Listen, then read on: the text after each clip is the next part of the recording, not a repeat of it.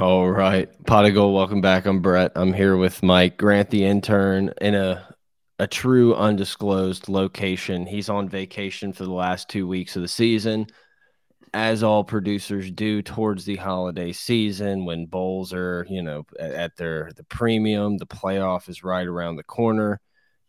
They need their time. So hit us up on Twitter at pot of gold, pot of gold at gmail.com, patreon.com slash gold, at gold Mike Mike, LSU uh, went and took care of business, 41 10. Number five snuck into the number five spot. We are here few days what away. What a time to be alive, Michael. Unreal, unreal. I, I I have to pinch myself every now and then whenever I turn on the TV and the graphic for predicting the college football playoffs has a picture of Jayden Daniels amongst amongst CJ Stroud. It's like, wait a minute, like what? When did this happen? Like, how did this happen? Um, a topic of discussion because I feel like as LSU fans, like we're talking the least about Jayden Daniels Heisman uh, Heisman chances in the next coming weeks. I feel like the national probably sees it more than we do. It's very possible Jayden Daniels wins the national or the uh, the Heisman. Like he has an opportunity to. I don't think he will. He's got the fourth best odds right now it's nuts. And then you know LSU at number five. I, I always said we talked about it in the uh, the Ed Orgeron years. I just want to be in the picture. Like I just want to be in the little graphic at the bottom of the screen where it was like Dabo, Lincoln Riley, Nick Saban, and Ed, and now it's like Brian Kelly, and it's like what an incredible job to be here like it just it seems so weird that that lsu probably most likely controls their own destiny at this point Absolutely. Um, and and it, you know Brian Kelly, um, you know kudos to him and staff for getting this ball rolling very early in year one and really laying the precedent that this is who we are. This is where the program is going. Uh, believe it. You know, uh, there's a lot of people that can rebuild. There's a lot of teams that are like, hey, this is a first year coach, you know, buy into our program because eventually we're going to get there. Like Brian Kelly, you know, hit the ground running immediately. Like we're there. Like we're in discussion. You can be part of this team and get us over the hump if we do fail. Um, but guess what? Like we're here and coaching matters and you are going to be developed here every single week. Um, I think it's the wins that we just had this past weekend against a team like UAB that really speak – uh, to the type of direction we're going. That it matters, even if the opponent is not somebody that should be in the discussion or should be a contender or is a contender. I mean, like UAB, it's a group of five team. They have no business competing with the number five team in the country. And we made that a reality right? And like that's, that's it's also it's also eight o'clock in cold rainy windy conditions Awful with conditions. with dozens of people in the stands. You know the last time lsu was in that stadium there was no one in the stands because everyone was on the field.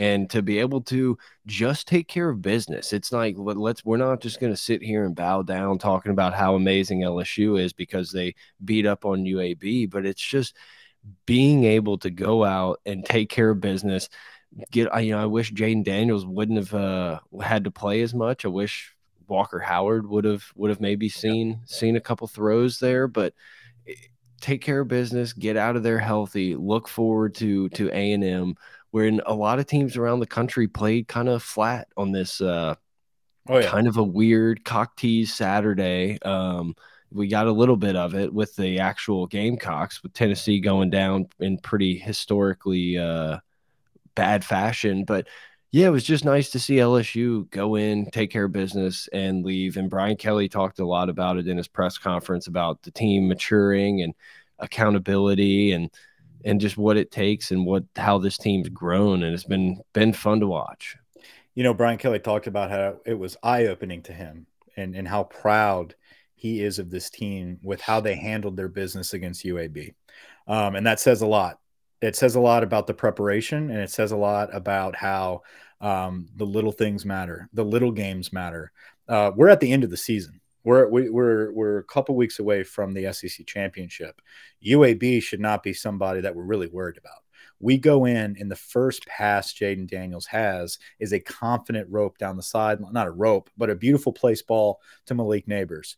Um, you saw the tight end, you saw Mason Taylor get back involved in the game plan.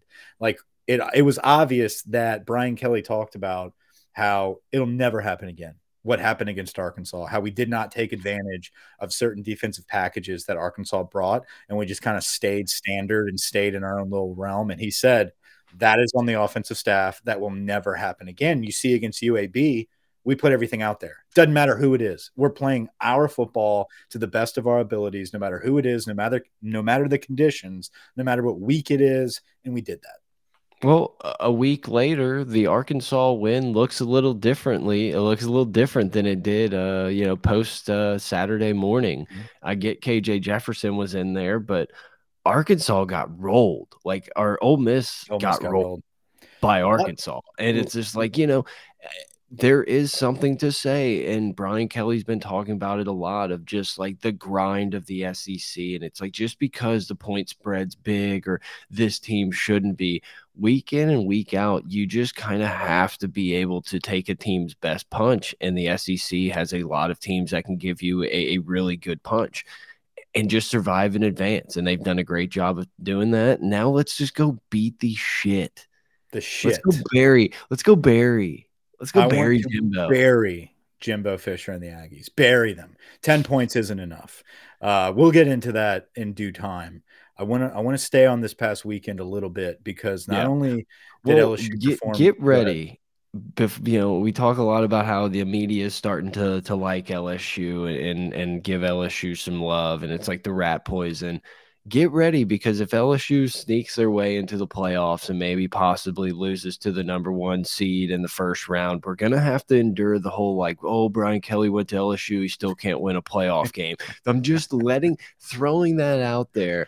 I, I, thought about that today and I was just like, well, they'll turn on us immediately and say Brian Kelly like has no idea how to do the playoffs. Haha, look at them. Like, and, and maybe they should hire Jimbo. But just but those are leeches. Those are those are degenerates. Those are people. That's like going to Denver and being like, "Hey, expect a bunch of bums. They're going to ask you for money." like it's just something you have to expect that's going to happen, but you know it's not worth your salt. It, it, it is what it is. Um, but no, dude, a, a, very lackluster weekend from the top ten. Um, you, you had right out of the gates, you had the little tease of Baylor against TCU, which Baylor, dude, how many opportunities do you need to ice a game? Uh, that quarterback totally shit the bed, not converting on that third and short, you know, like sliding before the first down marker when literally you can knock this team out of the playoffs by literally driving your feet and going two more yards. Um, it was pretty incredible to watch. Um, the fact that they had no timeouts left, no time left, and they hustled onto the field and got set without a penalty and were able to get that kickoff. It was like, how did how does this team? How do they do that? But all the Les Miles years, it was just like nothing's going to go right in this type of situation. Oh yeah, it was the most like Les Miles scenario of all time. Or it's like 20 something seconds left. It's like let's run a draw. Like I know it sounds crazy. Why don't we just hand it off? And everyone's like, up. "No, no." And it's like, "No, this is our fucking play." And they just pulled it off to perfection. And I just was like dying laughing at, as you know, a few hours, maybe 12 hours later, LSU's uh, kickoff team gives up a big return. And it was just like, just uh, sometimes like picturing LSU's uh, special teams in situations that some of these teams pull out week in and week out. Like, yeah, it just it's, it, it's, it gives me a good laugh. Well, listen, TCU's kicker did not have his helmet. So that was one thing that they almost fucked up with. He grabbed a helmet and just ran out there. That's pretty crazy. The fact that like in that scenario, this dude doesn't have his helmet. Um yeah, it's nuts. But they pulled it off. That's apparently a playoff team. So Survive they are advance. Yeah, they're listen, kudos to TCU, dude, for for really putting it on week in and week out in the Big 12. I understand it's a, a weaker conference, but yet that's a very trappy conference. They, you know, there's always they can score points uh, they always have good offenses, and the fact that TCU's been able to survive, especially the way they have, you know, it that's that's why they're the top four. That's why they're involved with the discussion. Um, and then Michigan, the minute that game end, I flip over to Michigan, Illinois, and it was the same exact scenario. Um, the fact that I really circled on my list Illinois plus 17 and didn't touch it um, just destroyed me turning over to that game. But you know, Biel Bielema, a fight for the the Bielemas. Just, I'm not impressed at all by Michigan. You know, and like I, I get it. Like I'm a Michigan guy. I love having them back involved in college. Not football. anymore. That's not your uh, obsession anymore. No, no. I flipped to you. I like USC a little bit. No, I'm kidding. Um, I, I do. I like Michigan being back involved in the in the playoff discussion, just because I like competition for the the typical like Ohio States of the world that just kind of have no competition in the Big Ten. So I like having Michigan involved. Now, Michigan being ranked like in the top three, I look at how they win their games and just kind of like how they have no passing game. It's like this is not something that's sustainable. and now, game. and now you get some injuries at running back. I don't know if anything came out, but I know Corum or whatever his name yeah. is is uh he's hurt out. So yeah. Well, and you, Ohio State's got some injuries too. So it, it sucks that we have gotten to the point of the season where it's Ohio State, Michigan, because it's like eh, where did where did it go? This season feels like it's been the longest and like most weird, but also like I feel like we were at the Florida State game not that long ago. Dude, I, I really feel like we have the game on Saturday and like it's so exciting that Sunday is still part of the day. Like I'm still kind of just like in that daze of like I haven't watched every video yet. I still need to like soak in more coverage of what happened in the game. And then Monday happens, and you're just kind of like, oh, we'll do the podcast. And then Tuesday, you watch LSU Gold sometimes. And then uh, maybe not so much anymore. and then Wednesday a... hits. And then Wednesday hits, and you're just like, oh shit, it's Saturday's around the corner. And that, that's just kind of been how it is all season. Um, so that's pretty. Yeah, you're right, dude. It, like this season has flown by. It's it's Ohio State, Michigan. Um, this is exactly what everyone dreamt of. You know, uh, top three matchup. I don't know what. Are they're not two, right? It's it's Georgia. It's Ohio two and three. Is that yeah? It should be two three. Yeah, a, a top three matchup. Um, it should be really good. I mean, Ohio State's been a team that outside of Michigan, uh, outside of outside of Georgia, has been the mainstay. You know, Georgia and Ohio State have been the top two teams, pretty much unwavering. So um, I'm anxious to see them against a Michigan team that I feel is beatable. That is not a complete package, a complete team. Uh, could an upset happen? Absolutely. They're not perfect. They have injuries yeah. too. They have weaknesses. Their wide receiver core is a little depleted. But let us let us in this fucking dice roll. Let us mm-hmm. in. Yeah, exactly. Because That's the thing. Any given Saturday just, can happen, dude. There's just no there's just no dominant forces. There's no like all of these games are a coin flip. We were talking before we uh, fired up the podcast. I sit here and watch Kentucky play Georgia, and I get that like teams play down, whatever you you're going to see a different Georgia in the Georgia Dome conference championship. But it's like I just watched that and I say, why why couldn't LSU beat that team? And that team's the cream of the crop. And I get that that might you got to beat Texas A&M first, whatever. But I, I, think there's a possibility Georgia comes in and like is like a little too much for uh, LSU, but. I also watch him just like we're going to be in this game. We're going to have the ball with a chance to win this game there's always a chance, you know, and, and, it's so hard to go undefeated ever, especially in the SEC. Uh, so I don't expect Georgia to falter against Georgia Tech. Um, the the their best bet of of stumbling before this playoff picture obviously is LSU. And if I'm Georgia, I'm sitting back and I'm concerned. I'm nervous. I'm not going into the game thinking like we're going to roll them and we're just going to skip into the playoffs. There's a chance that LSU makes things interesting. Um, and I think that's why people are starting to pay attention finally to LSU as, hey, wait a minute, like they do have two losses, but this is a team that could beat Georgia. I, I, I think the whole they have no shot, they have no shot had a lot to do with why are we wasting our time? They're not beating Georgia. I think people are understanding like there is a possibility on any given Saturday that LSU has a chance to beat you, no matter who they're playing. So um, I think at, I think at some point the committee is going to say LSU has one and a half losses. I think they're going to try to give us a, a, half loss for the Florida State. A half loss. I don't. I'm just telling you that the way these dudes talk and they just like circle round around. They're like TCU gets behind in too many games, and then like a week later, they're like, we just love TCU's grit coming back late in games. Resilient. At some point, at some point, they're going to be like Florida State's playing great. LSU first game ever practically won. We're just gonna have like it's almost like a half loss at this point. Like I'm just you know, yeah. should be interesting. I, I, it's gonna be dicey. It'll be dicey. Um, I'm anxious anything, to see it. Anything from the from the UAB game? Uh, Derek yeah, Derek Davis. Davis. I knew you were running to go. Running back, dude. Um, kind of out of nowhere. I mean, how about Tyler Taylor, UAB defensive end? Like, what the hell? Where the fuck has this kid been? I thought he died long ago.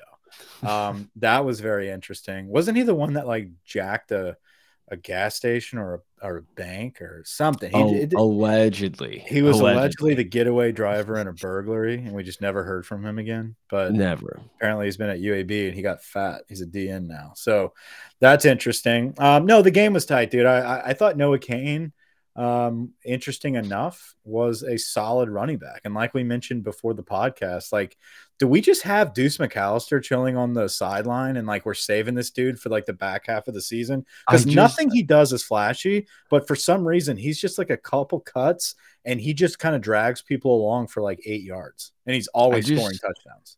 I keep having this vision of it being like round one of the playoffs, and Noah Cain's just choo chooing people, and they're like, "No, a fresh Noah Cain at the end of the year didn't get any carries at the beginning," and this dude is just like incredible, and like like Brian Kelly said, not flashy at all, just kind of does his job. Good. we have him returning kicks. It's like they obviously see something. I, I, don't not, know. Let's not go into special teams uh, like, why do we not have Derek Davis night? returning kicks? I, like, what are we that. doing? what are we doing?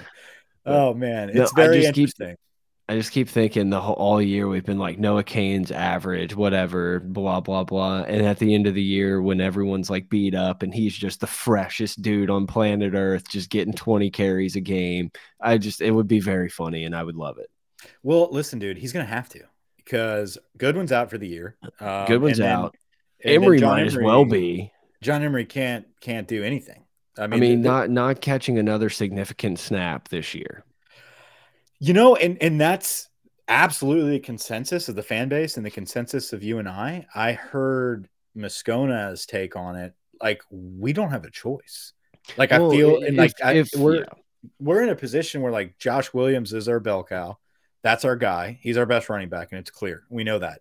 Um, if Cain is coming around. To give it to Cain, they're going to give it to Cain. Yeah, absolutely.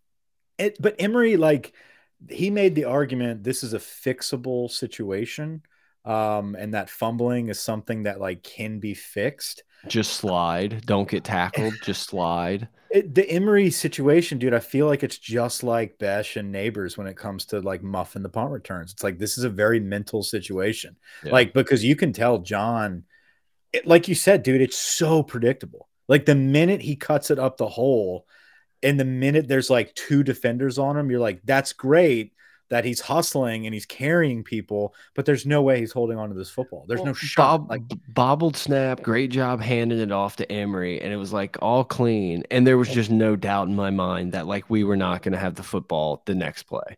Well, if it's raining, John shouldn't dress. Like that's how we need to do it. Like John is not. If the ball's wet and it's raining, John's not dressing out. We should just douse his forearms and be like uh the, the replacements where it just like it, it's just stuck to him. He's got I Kamara's think, tape everywhere, and it's like he's got just, the Kamara arms, and and no more. No more handoffs. If we want to run some swing passes, if we want to get them the ball in space, like I, I'm all for it. But let's uh, just no more handoffs. And the thing that sucks about it is, is he always fumbles at the part of the of the carry that he is it's supposed unnecessary. Well, like it's it's like he is finding his way through the hole, and you're just like, nice, like he's really good between the tackles. This is where he breaks it, and it's like, no, this is where he fumbles. Like that's that's what's frustrating is there's no breaking it anymore because when he starts and, to break it, he's just like, here you go. Every single one, too. You're like, no, his knee was down. You're like, his knee wasn't fucking no, down. and he never tries to get the ball.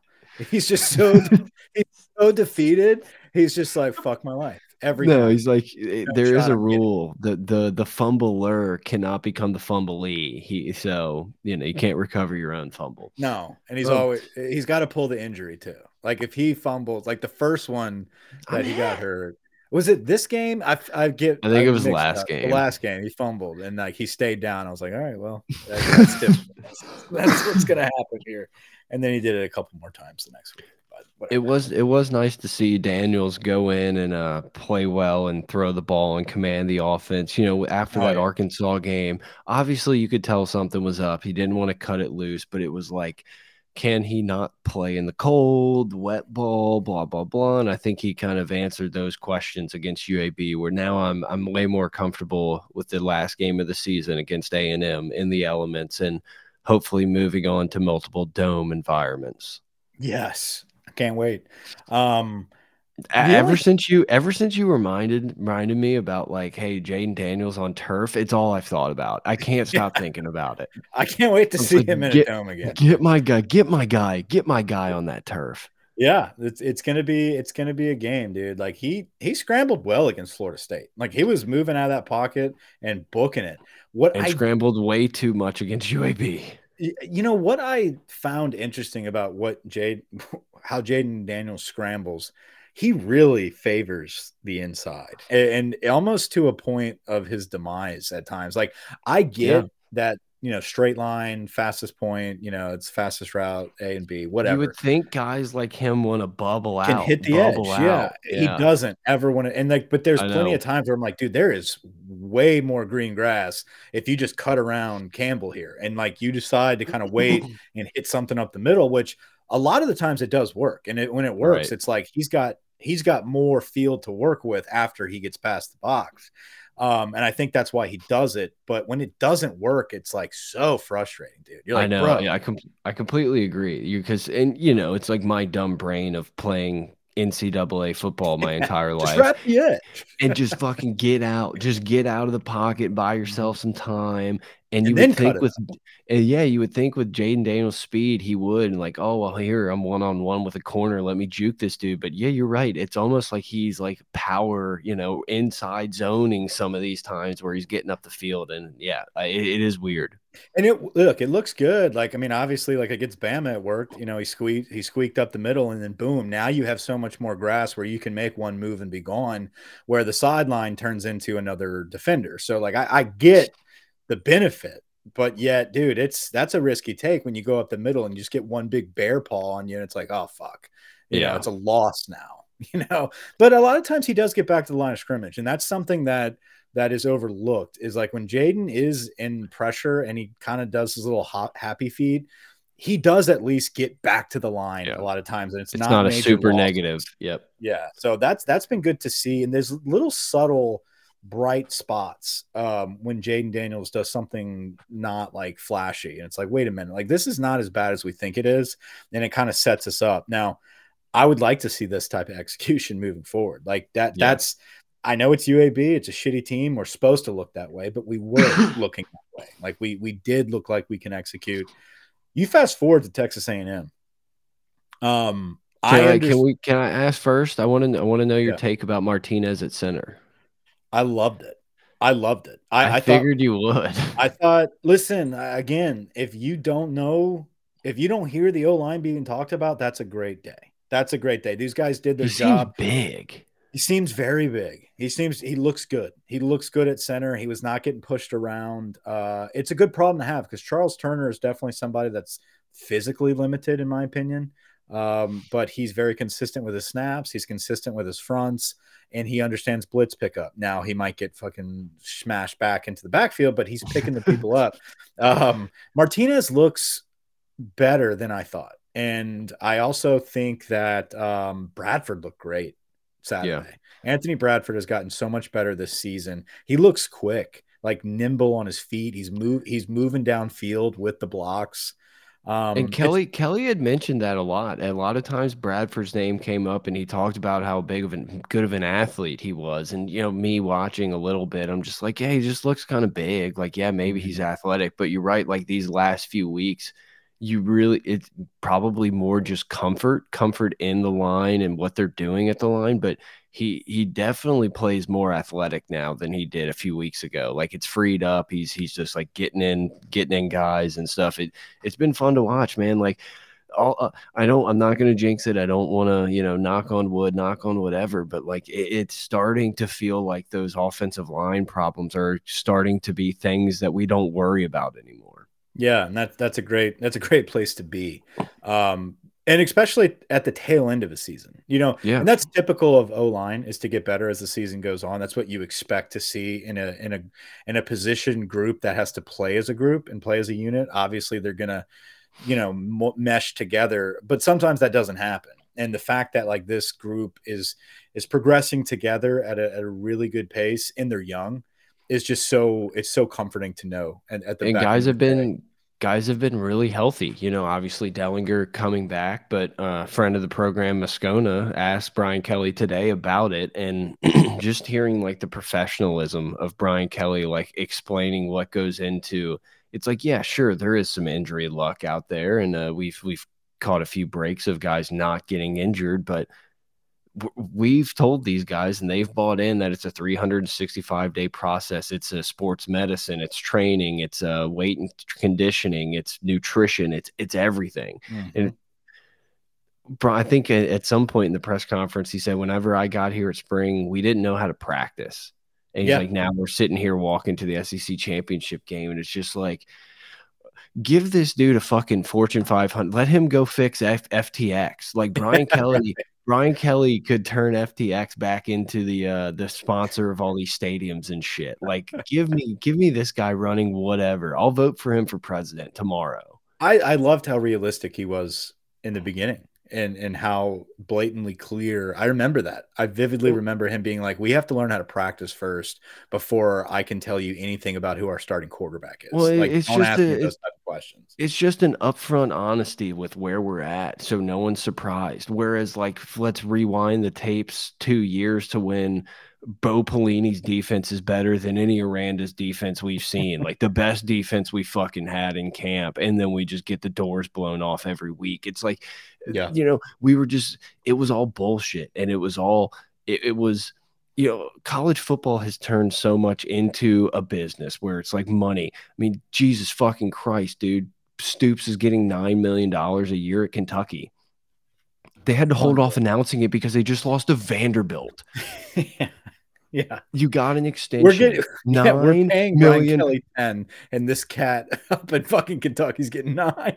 I'll give him credit, like kudos, because you cannot and you just you cannot announce that after losing to Vanderbilt. But like anyway, back to the point, like it, it's not this, Georgia it's not this like, oh, you know, my dad was the coach here for 35 years and now I take over the coach and we're a football family. Like yeah. those days of college football are, are long, long gone. And these are businesses. And Brian Kelly runs this thing like a business where every other coach we've had since Nick Saban ran it like it was a fucking high school, like let's win one for the Gipper bullshit. And it's mm -hmm. like, mm-hmm. yeah, go hit the weights, bench press today, boys. I'm gonna go hit, hit a Red Bull and bench press with you. It's like, no, no, we got no. the fucking manager up in the ivory tower, like mapping everything out, and it's just, it's, I don't know, man. It's, it's a what a what a fresh air, breath of fresh air. It is a it's a full on corporation. It's a production. It's a program. It's a it's an operation. I mean, this is this is an operation where your operations president is your head coach. You know, it's also like, honest. It's not like it's like oh behind closed doors and it's like all this bullshit. It's like everything everything is out in the open. You know, Brian Kelly tells you what he's going to do. He's, he's wanting people to know, like, listen, this isn't just me knowing X's and O's. This is me coming in and knowing that we have to gut our nutrition program. We have to go to class on time. We have yeah. to do these things, and I'm going to show you that like we're being held accountable to that. I'm going to track their their win sprints. I'm going to track how fast they're running on week 10 compared to week 4. Like this and I'm going to show them why everything is done for a purpose. And and you know, we go back, we reference LSU Gold a lot. Wish we could still watch it. You know who you are. Um, he's gonna kill you. I don't care. I don't care. Um, uh, everything is done with a purpose. He mentions like, yeah, you know, everyone's gotten faster this week and this everything. There's just so much emphasis on uh, watching the things that he tells the team Monday, Tuesday, Wednesday that he then references in the post game press conference and when he's talking to the team after. And it's just so cool to see. It's like we got so amped because Ed Orgeron brought a chain in or a rope and got everyone to yeah. pull on one side. And it's just like, I am so happy we're not in the gimmicky row the boat. Like, you know, you can lane whatever. We'll talk lane later, but it's just, I couldn't imagine LSU being in a better yeah. spot than they are right now in and the the craziest part about all that is we were able to get through those days with some excitement. I mean, obviously 2019 was the most excitement we've ever had in our life watching LSU football, but we were able to do that because of the benefits LSU provides with their recruiting base. And like that's why yeah. when it was announced Brian Kelly was our hire, it was like guys, it's over. Like we like we literally have a, a guy in charge of such potential that even on our down years, like year one, we're competing for a playoff spot. Like that's yeah. that's where we're at right now. Is like this is a rebuilding year, and we're number five going into the final week of the season. NFL Sunday Ticket is now on YouTube and YouTube TV, which means that it just got easier to be an NFL fan, even if you live far away. Like maybe you like the Bears, but you're hibernating in Panthers territory. But with NFL Sunday Ticket, your out of market team is never more than a short distance away specifically the distance from you to your remote control. NFL Sunday Ticket, now on YouTube and YouTube TV. Go to youtube.com slash presale to get $50 off. Terms and embargoes apply. Offer ends 919. No refund. Subscription auto renews. That's I wasn't I wasn't positive, and I sure wasn't positive post week one that this team was going to make a bowl. I don't think and, anyone was. I, I mean, and, and, and just, that's that's not a that's not a, a, a slight on Brian Kelly because I figured this would take some time. And I no, did not. I, I think I, I think he deserves more, and I'm sure he's been getting a lot of credit, but he could have easily said, Well, we have holes everywhere, and you know, we got these freshmen coming in and we're gonna be fine. But instead, he absolutely raided the portal and did it the right way of getting guys that he knew would be a culture fit for what he was trying to bring in. And I, I don't know, man. I just think it could have it, it, was very easy and i remember listening to one of the post games where the guy was uh, calling into hanny and saying like oh you got to give him three years and hanny said that's just not that's like not the deal anymore. Mm-hmm. used to be well i got to get a full class of my freshmen to seniors blah, blah. It's like that's not the case anymore and brian kelly could have easily said well you know we didn't have help at safety. We didn't we were we were starting wide receivers at corner. You know, we couldn't, we started freshmen everywhere and some of them weren't ready, but instead he didn't and built a team that could compete in the SEC. And I think it's, I think it's awesome. Everything is a uh, gravy from here. We got Texas A&M after Texas A&M. Like we beat the beat down Texas A&M. We've got Texas A&M, and I want to I want to start by saying I, I, I, sent this tweet out because I, I, just wanted to get it out there early in the week. I didn't want to have to wait until we talked. Um, because I'm I'm just tired of worrying and being fearful of Texas A&M because of their talent. Don't get my words twisted. I agree that they are filthy talent. Like they they have filthy talent across the board. Um, it is the last game of the season. Like this team has had weeks upon weeks to quote unquote turn it on and decide that that talent is going to take over a game. Now, could barely can, do it against UMass. UMass. Now, listen, will they be motivated as hell? Is this their Super Bowl? Yes, it is. But motivation We've seen this. We've seen this with Ed Orgeron for two straight seasons after 2019. No matter how much more talented you are, motivation can only go so far when your skill players are not getting developed, when you don't have trust in your play calling, when you don't have trust in your quarterback. You are not going to hang with this LSU football team for four quarters. You may hang with them talent alone for two you might be able to keep it close by halftime. But this Brian Kelly team on the verge of a playoff berth against this depleted Jimbo Fisher fraud squad is going to be crushed in the second half of this football team, a football game. I, I, I think now crushed. I think 10 to 14. I, I think Vegas has it right where I, I have us winning over 10 points. Um, it, I think that think the UAB game settled a lot of our our worries about what a potential Texas A&M game could be. If LSU let UAB running back kind of run all over them, if they you know, the offense looked sluggish again. Jayden Daniels wasn't really pulling the trigger, and you know, then I think going into this A and M game, you worry and you look at the team like, oh, you know, maybe they could take advantage of some of these things. it's just like, I just don't see it. I can't. How I, are they going to score for four quarters? How are they, they going to score on this defense? They had their offensive line. They can't score. Been, they can't score on bad defenses. Their offensive line has been atrocious all season, and they just lost two starters again. Like they don't have any yeah. bodies. Their team, half of their team is quit. One mentally, the other half is physically quit. Like in the these, portal. In the portal. Like this is the last game of the season they are not going to overcome the adversity. If LSU comes and, out and scores first, it's it's going to be over quick. And don't and let we say hang. last we say last game of the season, as in you go in and clean out your locker room at A and M on uh, Sunday because like you don't have a bowl game. You're not preparing no. for anything. You you're going home. They're going to be dirty as sin, and they're going to quit.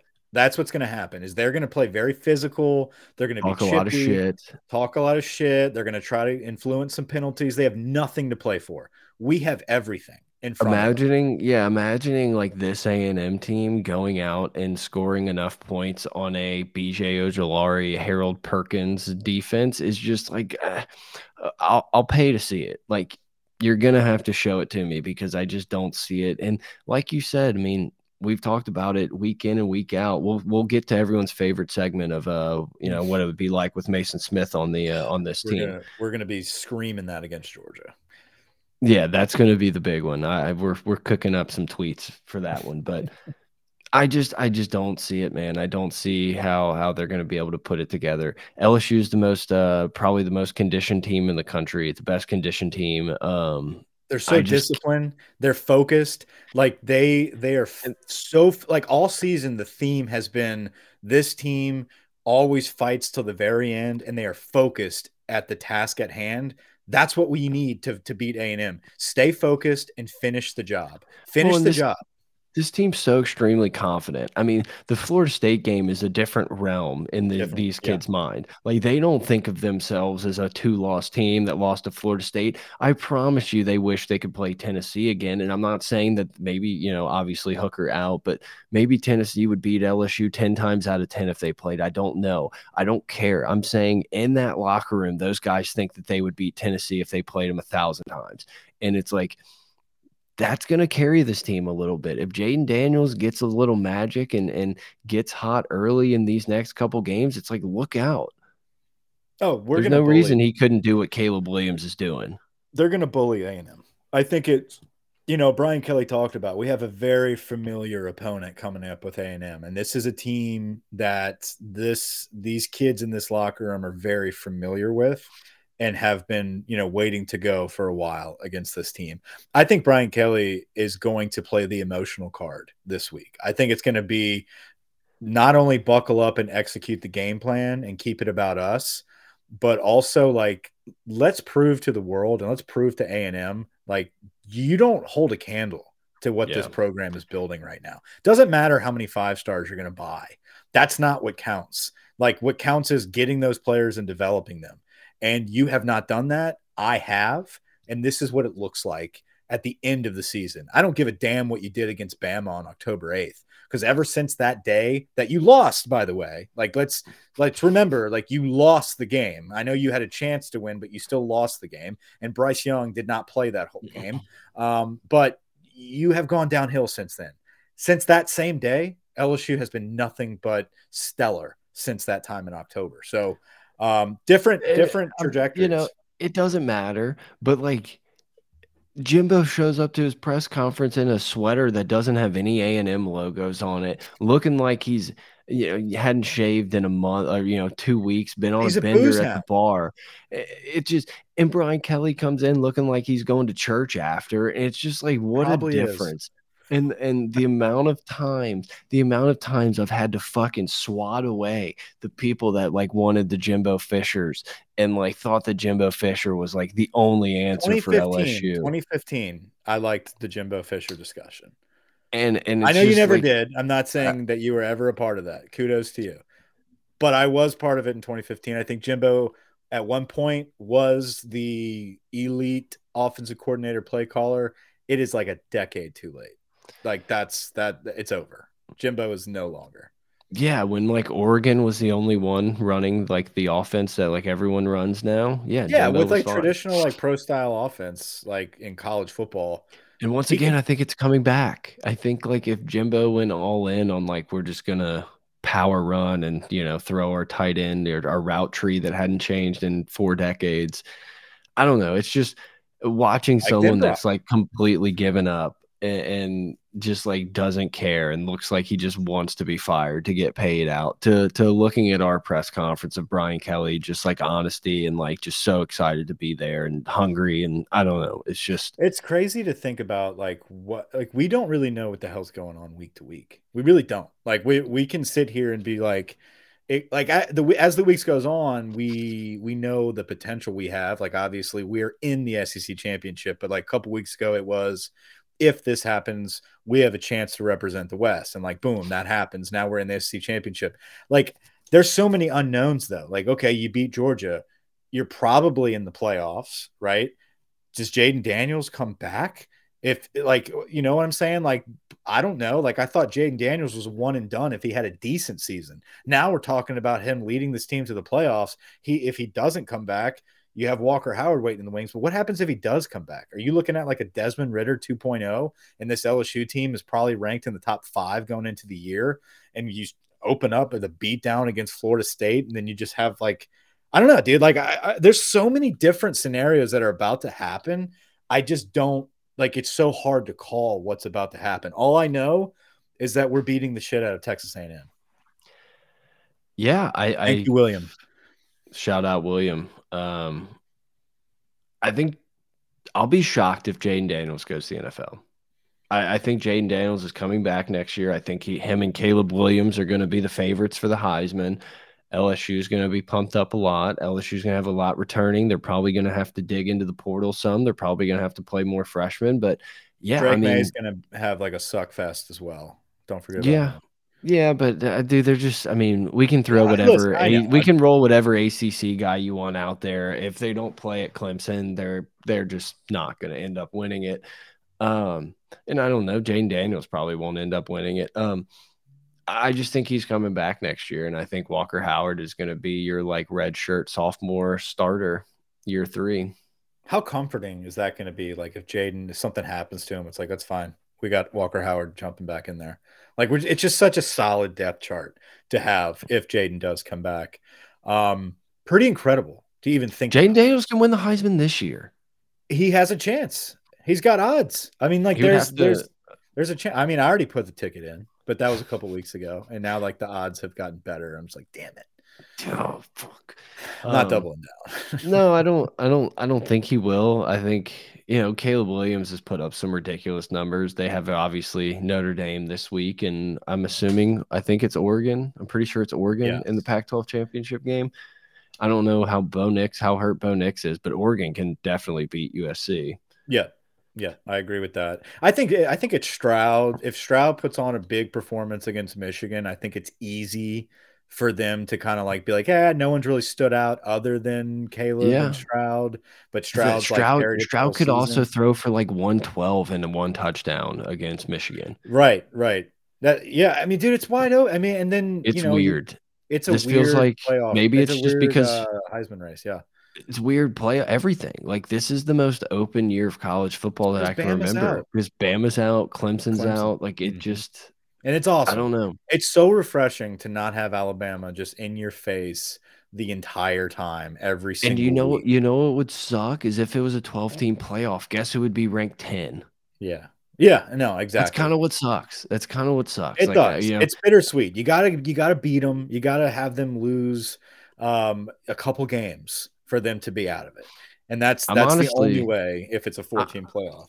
I'm ready for Texas and OU to get in and USC and UCLA to go. Like, let's just let's have Big the fun with the mega conferences. Let's do some weird shit with streaming games and like different coverages. Like, I, I'm just ready for the change. Like, at some point, that change, change is coming because it's comfortable. It's comforting knowing you got a fucking president running your show. You know, like this dude. I'm. I don't care what scenario we're in or what pod we're placed in. I'm very comfortable knowing that like he'll figure it out. He'll figure out the best way to get an advantage with whatever matchups we're presented with. And it's going to go on with recruiting, it's going to go on with with player development, with execution on the field, X's and O's. We're we're in a good spot. We're in a very good spot as LSU fans. Now, are we going to is there going to be dynasties built like Bama has seen from the past decade? I don't think that type of run is possible anymore. Just you'll see the, more Tennessees. You'll see more yeah. of a transfer quarterback ending up in a perfect, beautiful spot, and the team running, and everyone comparing them to 2019 LSU, and we'll see what happens to them. Um, right. Flash in the pan type teams are gonna gonna be in the playoffs and be in the finals and stuff like that, and that's gonna be exciting to watch. There's gonna be a little where, bit more wherever. Juice wherever Lane Kiffin ends up, whether it's Alabama, Auburn, Texas, Oklahoma, wherever it is, it's like I'm still so much more comfortable in in what LSU is going to be doing over the next decade than anyone else. What are the updates there with with Lane? Um, I know he did, he put it to rest, quote unquote, by calling out the media member that said he's leaving, and then he was um, it was reported that he met with the team today to emphasize that he will be back for the 2023 season. Yeah, I mean that means nothing to me. Like if yeah, we whatever yeah. say it, good luck. Like there what else is he I, supposed to do? I'm not going to hold it against Lane if on Friday after the Egg Bowl, it's like Lane Kiffin has taken a different job. It's like we're just going to have to see. I mean, there's really only a couple options. to win in the Egg Bowl. Is, say that again. Is this just almost guarantee Mike Leach is going to beat Ole Miss? I didn't. I didn't watch a ton of the Ole Miss Arkansas game yeah. to really like tell you that they, they gave out. up and died. It, it, sure looked like watching uh, some GameCast and looking at some stuff. They they rolled over and died, but but it's the post Bama or no no, they didn't have Bama before. Never mind. I don't remember their schedule now. Was it the post Bama? They played us, Bama, then Arkansas. Yeah. Yeah. So it is. It was the post Bama effect and they had to go. I think it'll be a competitive Arkansas. game. I think the game is probably going to suck, and everyone's going to be like, "Damn, I wish we had a better Egg Bowl," but at least it's close. I don't know. I don't know. The Egg Bowl always seems to let me down. Yeah, it's big for Mississippians, and that's about it. Good for them. But yeah, I don't know. I don't know. I think Lane could definitely go to Auburn. I think Lane could still go to Texas A&M. Yeah, I, I still think I still think it's possible. Yeah, I, I still think it's possible. We find out as we're watching our game that Jimbo is uh going to be relieved of his duties, and then maybe they'll carry him off on his shoulders like they did to Les. Imagine the players going to fight for like Jimbo to keep his job. No one's Imagine fighting. it. Imagine it. Think about it. Because no one went there for Jimbo. that's that's the difference. It's yeah, like, but they're also like, I can do whatever the fuck I want, and this dude probably just get fired next year. yeah, dude. I don't know. It's it's it's a pretty interesting situation. Like what like how many of those guys just went for their like 500k you know what i mean? Like i know most of them but at the Me? same time like yeah you do that but you're also in a losing program. So like you're not putting your talents on display.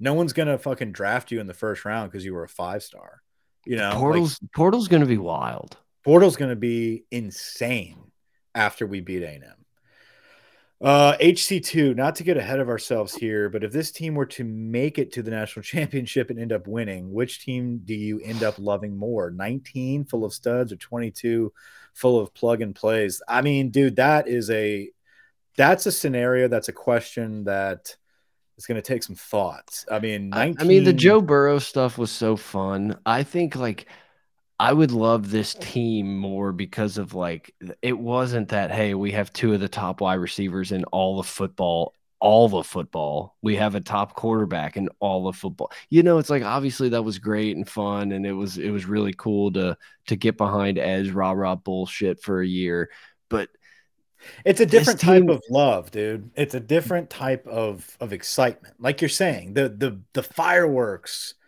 being so much better than everybody in 19 was a feeling of like uh validity just like yeah. yes like we finally show people like what louisiana talent can do when we have a heisman quarterback and when we have a really good oc it was more of a i told you so type of feeling of like a proud moment where if 22 I was also a national championship 20 2019 I I spent most of the year just fucking terrified that we were going to lose one game or Burrow was going to get hurt and this like incredible meeting of the minds of everything perfect is just going to end up kind of as Tennessee sitting here now where it's like holy shit we have the best team ever to like oh fuck we we're yeah. not even going to get to the Fiesta Bowl. Yeah. Yeah, and exactly. It there was a little bit of that that nervousness of the targets on our back from week 1. You know, like this is Burrow and, and company. The minute we beat Texas, um, it was kind of like, okay, that they're a contender and we have to knock off LSU with Ja'Marr Chase and Justin Jefferson and, and Joe Burrow. Like it's it's a very dominant football team. This team, on the other hand, it's very well documented of the ebbs and flows of the season, but just the unexpectedness of us just being a contender at the last week of the season, being ranked number five going into the A and M game, um, under a makeshift transfer team with a first year coach and Brian Kelly, it is uh, it's a type of satisfaction that goes beyond this season, and I think that's the only way I can put it. it. Is like it's not about this team. I feel like 22 it's how it's how appreciative you are that this is the foundation yeah. that the culture is set on. Exactly. I 100% like, agree. It's, it's like, like confirmation of like this is what we have to look forward to. Now I'm so much more relieved. Like that's what this year is. These are the guys. this is the team that's molding the the leaders of the next team. The Will Campbells, the Walker Howard. Like these are the guys. B.J. Ojulari and and all these guys holding people accountable and showing the young guys like what it takes to to be able to be a leader and to do these things and lead by example that's like what i what i really like like and respect about these teams th this team could have easily just been like, yeah, fuck this dude, this nerdy guy from yeah. Notre Dame. And some of them did. I'm out of here in eight months. Like, what what do we do? They didn't. Everyone bought in, and like, look where it got you. And it's like the foundation for the this decade. I, I texted you today. I'm sure there's going to be a point where we're going to be tired of Brian Kelly and frustrated and saying like this stuff's going on deaf ears. But like, the foundation of, of what this program is going to be over the next three years, five years, eight years, 10 years is as good as anywhere in the country. And I say that with Alabama in mind. I say that with USC, Ohio State. I say it with Georgia, every yeah. team in the country in mind. Our foundation is going to be as good as anyone's. I agree.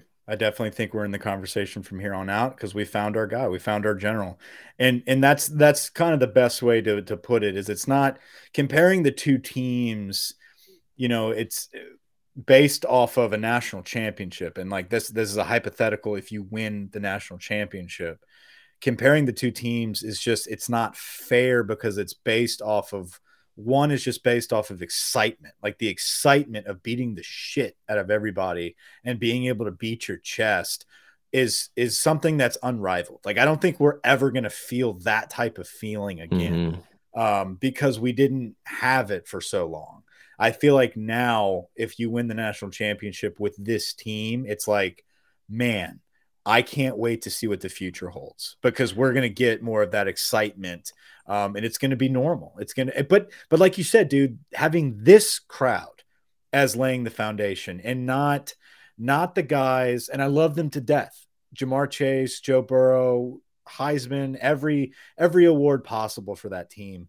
But it left a taste of like, um, we deserve this moving forward and we're just going to show up Mm. And like mm. that, like everyone thought, like Eli Ricks and, and like that whole crew, they thought that the Arik Gilberts, like you can just show up at LSU and you're just going to win because of who you are and what you did in high school. All of that had to do with Ed Orgeron's culture, but that's the difference in this year's squad. If this year's squad wins a national championship, you have leaders that are going to lay a foundation of a culture and of expectations that it's not just going to be a quick little flash in the pan one year deal. Well, and imagine you know, you would have to go into the record books and look, but imagine the amount of returning guys off of that team, too.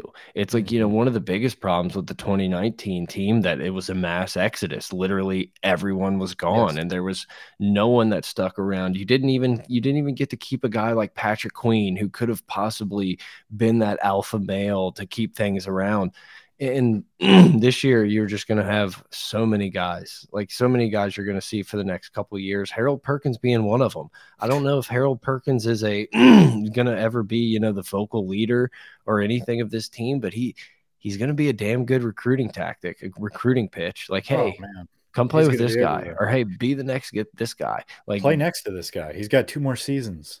Like the brand it's weird. It's weird man. Like I, I, thought Ed Orgeron would be the one that turned LSU to the cool brand, and he did. I mean, you still see people griddy in in NFL games and in college games. That was because LSU, the brand, the brand reaches to, I did, to a lot of I people. think about that the other day. Just like what we what we did in nineteen was just so unparalleled on sports. Yeah, and just and like I, I was thinking about that the other day, just watching like some NFL game, someone doing the Griddy, or maybe it was like an All-State commercial, whatever it was. It was just like that's LSU 2019. Like that's because of Justin Jefferson. Get the gap, that's amazing. Like yeah, it, that team had cultural relevance for sure. And you know, Harold Perkins is going to be one of those guys. He's a household name. If he's not now, he will be by the time we kick off next year. Um, I was thinking about Harold Perkins and his story about how he was a baby during Katrina because I did. I watched some of that on YouTube. I was like, was he a Katrina baby? Like, I, was he even alive? He was. He was young but he was alive and it was 05 when they left New Orleans obviously and moved to Texas. But thinking about like that kid in 05 and knowing who LSU was in 05 like how we were so dominant. Like we, LSU in 05, yeah, two, two, years removed from you know a national championship. That's when Les was still in camouflage. We we thought he was like a legit coach his first two seasons or first year. Uh, the first time, while. the first time I think it was Arizona State that he put that Britney Spears the headset Britney Spears. on. I was like, God, we're fucked. Like this is not our guy. And I was but, like 12, and I knew like at that point it was over. It's just it's just wild to think about like the linebackers that we had in 05 and we've been dreaming of like man it'd be nice to go back to those early 2000s like dominant teams year after year after year and it's like you get a kid that was a baby at that time coming back home is now the face of this program wearing number 40 and just bringing back that like Louisiana roots tradition of the best players stay in state the best players come to LSU and they represent the boot and now we have a, a, a program that is going to be so much more sustainable that it's not an argument. It's not a battle of like, oh, should I stay or should I go? It's like if you don't stay, mm. like you're a dumbass. Like good, like if you pass up this limited time ticket to to be a part of the Brian Kelly era at LSU, if you're a player coming out of Louisiana and you have the option to play for Brian Kelly at LSU and you choose to go elsewhere, um, I I don't feel bad for you, dude. Like you, well, we talked about bet, it. Bro. We talked about it with a couple people signing or committing after the uh, the Bama game. Like it is 20 well you know maybe that you can get a couple more in a season whatever but there's 25 golden tickets that mm -hmm. frank and company pass around each year and it's like if you get offered one you, you should try to snatch it up and uh yeah i don't know i just think uh we got another commitment. I think we have the best recruiting. I think we have the best recruiting pitch in the country right now. We do. Like, look, look what we're building. We play freshmen. I don't give a shit. You know, we're gonna play you if you can learn the playbook and if you're good enough. Like, you I, play I just freshman, think we... you play early and you win.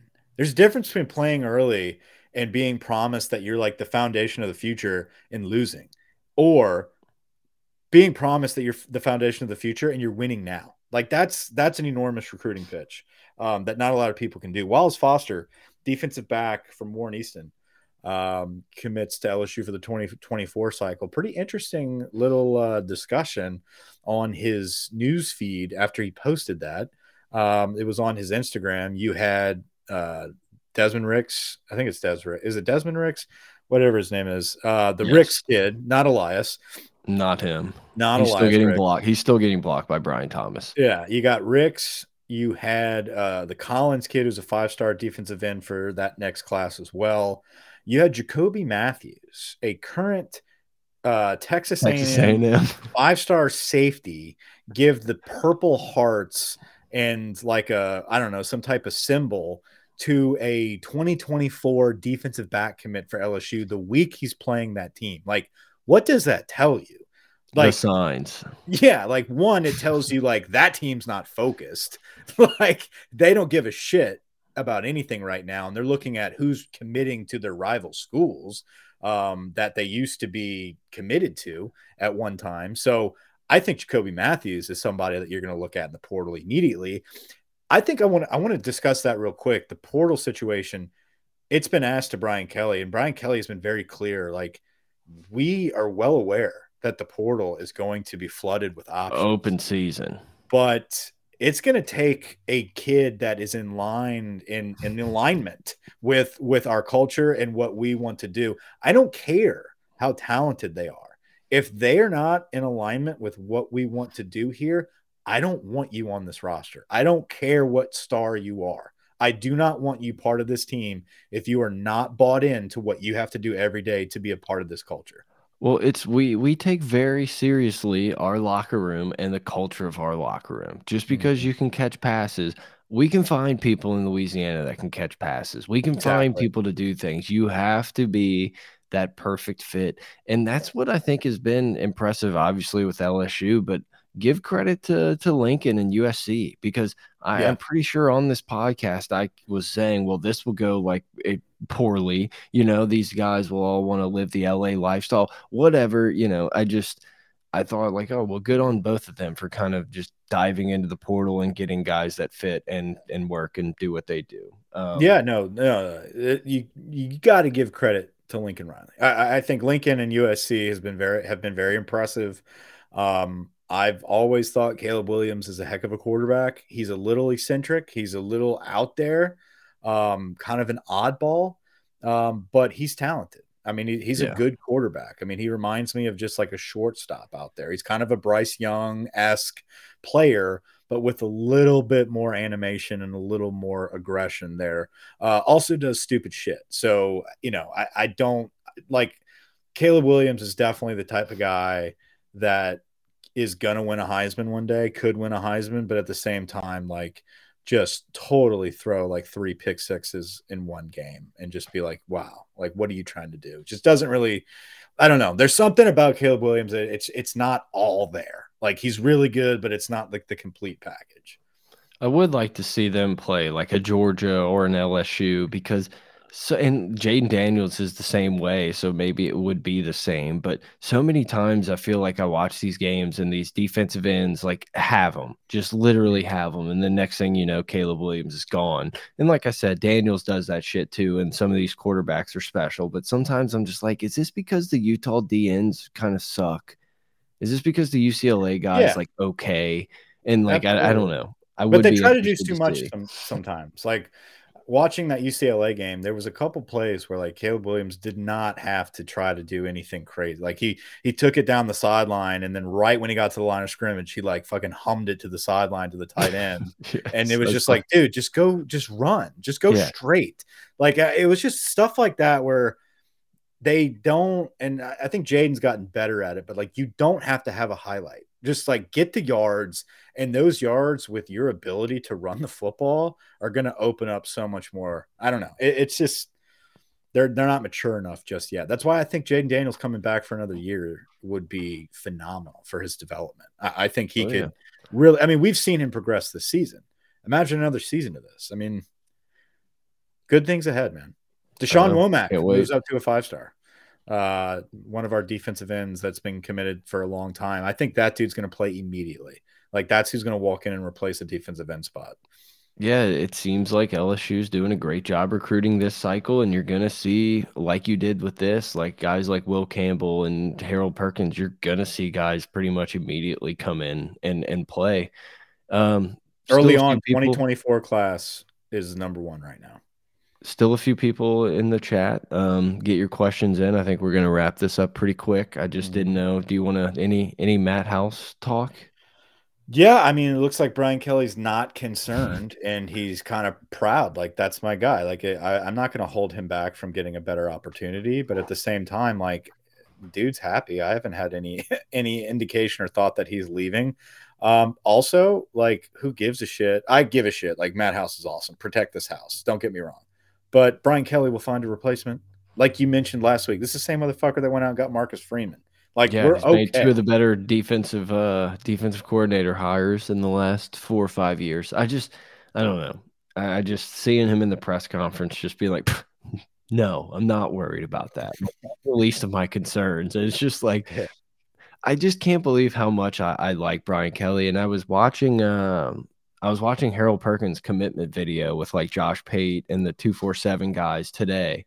and Harold Perkins had talked about he's like, yeah, you know, I thought Brian Kelly was dull and and boring, but he's like, he's the exact opposite. Like, I've just love talking to him.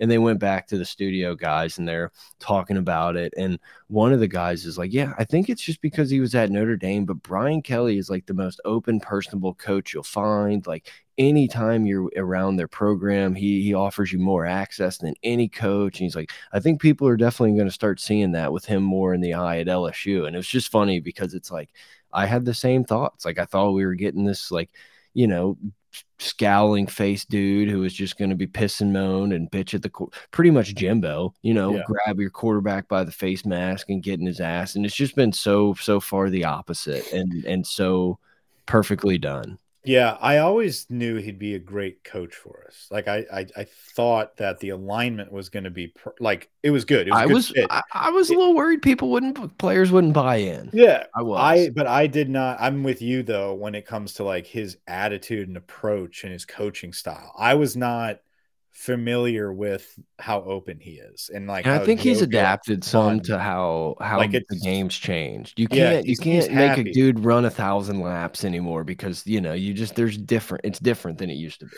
Well, and I think even if he still does that, I feel like he he does it in a way like the kids are like, yeah, I deserve this. Like I yeah. I I am part of this process and this alignment and I have not gone to class. Like I do deserve to run these sprints where like in the past you had people that were just so scatterbrained where it's like you can't just be a Bo Pelini and like pop off and be like grabbing face mask and making them run yeah. when you are not proving that like your system works. And I think that's why people are like falling in line with Brian Kelly, especially on this team. It's like we're willing to do the little things because obviously it works. So, right, you know, prove right. it to we me. Tr- we trust you. We trusted you. We bought in, and and look what the benefits, look what the rewards have been. So I think we're going to keep trusting you. Exactly, and then you get that team, the bulk, which the majority of this team is coming back, coming back, and then you get like a top three class coming in those kids are going to now be on board with like the current roster will be on board with Brian Kelly. It's not just going to be Brian Kelly like blindly trust me. I promise yeah. you this will work. It's like it's no, you've got like usual. 60 other guys that are like, no, fucking fall fall in line because this shit works. You know, like you're not going to have freshmen dicking around. They're going to be buying in from week one. Well, and Brian Kelly gave Mike Jones a shout out today, which I, I feel like is well deserved. It's a guy who's continued to be yeah. a leader on this team when multiple, you know, his his playing time just keeps getting eaten up by other players, and instead of being a bad teammate or not showing up to practice on time, not being accountable. He's be he's still a leader on this team, and I think that shows just like how much everyone. And you know, obviously, I'm sure that there's people that are like, "Man, fuck Brian Kelly. I'm I'm ready to get out of here once this portal opens up." And I think we're okay with that. Like, I think we're yeah. okay with the people that will want to do that. I'm not saying it's a hundred percent happy family in there, but no, uh, just... they get donuts and they tell each other they love them. I don't know what day that is. Tuesday's donut day, whatever it is. Well, but and Thursday, I'm sure a lot of teams do this. This isn't a Brian Kelly thing, but he was like, "Yeah, we'll practice in the morning and then uh, we'll all have dinner, Thanksgiving dinner together. Coaches' families and stuff will come and we'll, uh, you know, be together and then leave on Friday." And it's like he's already built a culture where like all these guys do want to be around each other and like they are a family and they are a brother and he preaches brotherhood and what it means and and he leads by example and they all do it and I don't What do you know, think A&M's doing on Thursday? I mean, they're they're kicking kids off of teams for wearing sleeves. Yeah, I mean, dude, they're probably starting the starting the night off with a couple bowls. Um, you know, it's a free for all. It's a free for all. Yeah, Yeah, So we'll see. There, I, I, I don't think their preparation on Thanksgiving week is going to e, to come anywhere near what Brian Kelly is doing to prepare this team for for the final game of the, of the regular season. and you know, maybe we'll see what happens. I could be wrong, but forever we dreaded this like post Thanksgiving game of like, man, we always just are completely lost and sluggish. And it's like I just don't, I don't, I don't have that worry with this team. I think Everybody they're going in to take care of business. Everybody else will be, you know, refreshing the coaches changes board. We're going to be talking about how we're playing Georgia the following week I in the SEC championship. I can't stop thinking about our coaching staff and thinking about like it, it's uh, maybe someone gets a better job, maybe somebody gets hired as a Yeah, who coordinator leaves? somewhere. Who leaves? I mean, Polly Polian's not leaving. We know No. that for sure. Special teams is locked up. to the king. To the king. we know Polian's not but maybe anywhere. maybe like Brian respectfully, maybe Kelly respectfully tells Polian like your your services are needed elsewhere. Like I'm gonna we- have to cut your finger off. you can keep your job. yeah, but like, you lose you're a with finger. me. You're with me, but you're not doing special teams ever again, my friend. Ever again, or like get him some help, dude. Like let him keep his little title, but like What's let's Bradley Dale these- Peveto up to? Yeah, get somebody Pick else in there up. to fucking do it because we don't know what the fuck's going on in special teams But- ever. Ever. There has not been a week never. where I've just been like, special teams look good this week. Because it's still like, even when we look good, it's like, yeah, but we also had a false start. We also like missed the the snap. Like, no matter how good it looks, it still sucks. Yeah, and, and Kelly's like, you know, guys, we're super thin at special teams. I'm just like, You got Can we- Terrence Welch out there. can we just fucking kick it through the end zone? You Like, got guys. That's the weird thing. Is like this whole like we're really light and we don't have dudes. I'm looking at it. I'm like, I get it. You got Jaray Jenkins making plays. You got Besh out there making tackles. Like you don't want your starting wide receivers on kickoff team, but you also have some of these depth guys like Xavier Carter and Laterrence Welch. Like there's some players that you think could potentially be starters next year that look like Bozo the Clown on kickoff coverage and punt coverage. It's like, yes, Dybert. The only job you have is to kick it out of like kick it out of the end zone, not as out of bounds as you as hard as not on the five, can. not on the five, because if you give it the ball to them on the five, you might as well kick it out of bounds. No, yes, I'd rather them start at the 35 than field the kick. Like, you know how every time, like, it's almost impossible for the flag to be on like the kicking team. It's Yeah. always like holding block in the back. I, I still feel like somehow there's just going to be like horse collar tackle. Like, we're just never going to skip go it. clean. I skip it. I pause it. I pause special teams and then I fast forward through it because I can't do the emotional up and down of every time, every single time there is anything positive done on special teams. Here it comes. The flag just gets fucking launched, and it's like that's Xavier Carter. Like that. Yeah. It's seventeen. like every time. but it's like, you know, I don't see Cain going anywhere.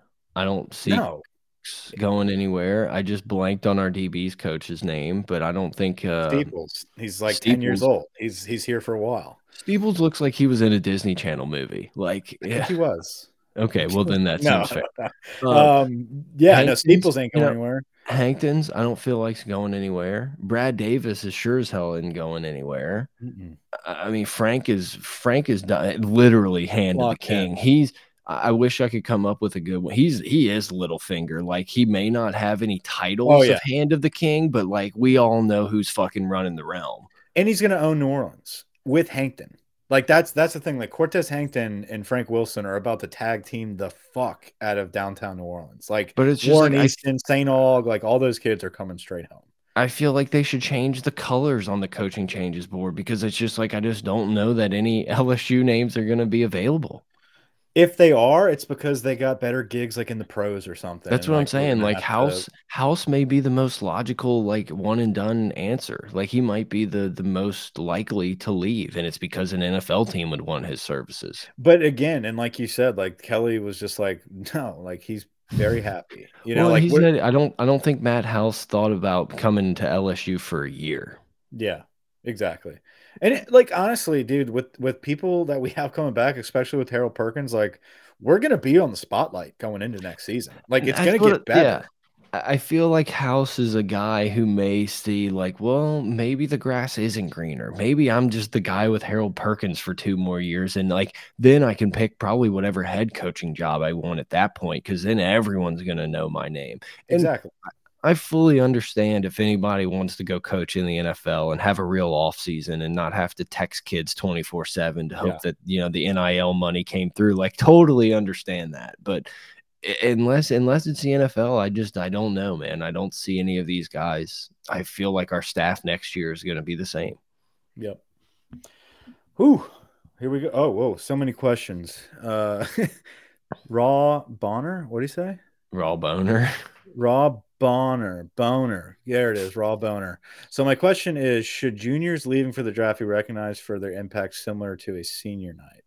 No, I think I, I don't think juniors. I think senior night is for seniors, and yeah. I get transfers. It's, it gets a little murky with like guys who have only been there a year, but if you, I think senior night is something special for a four year guy.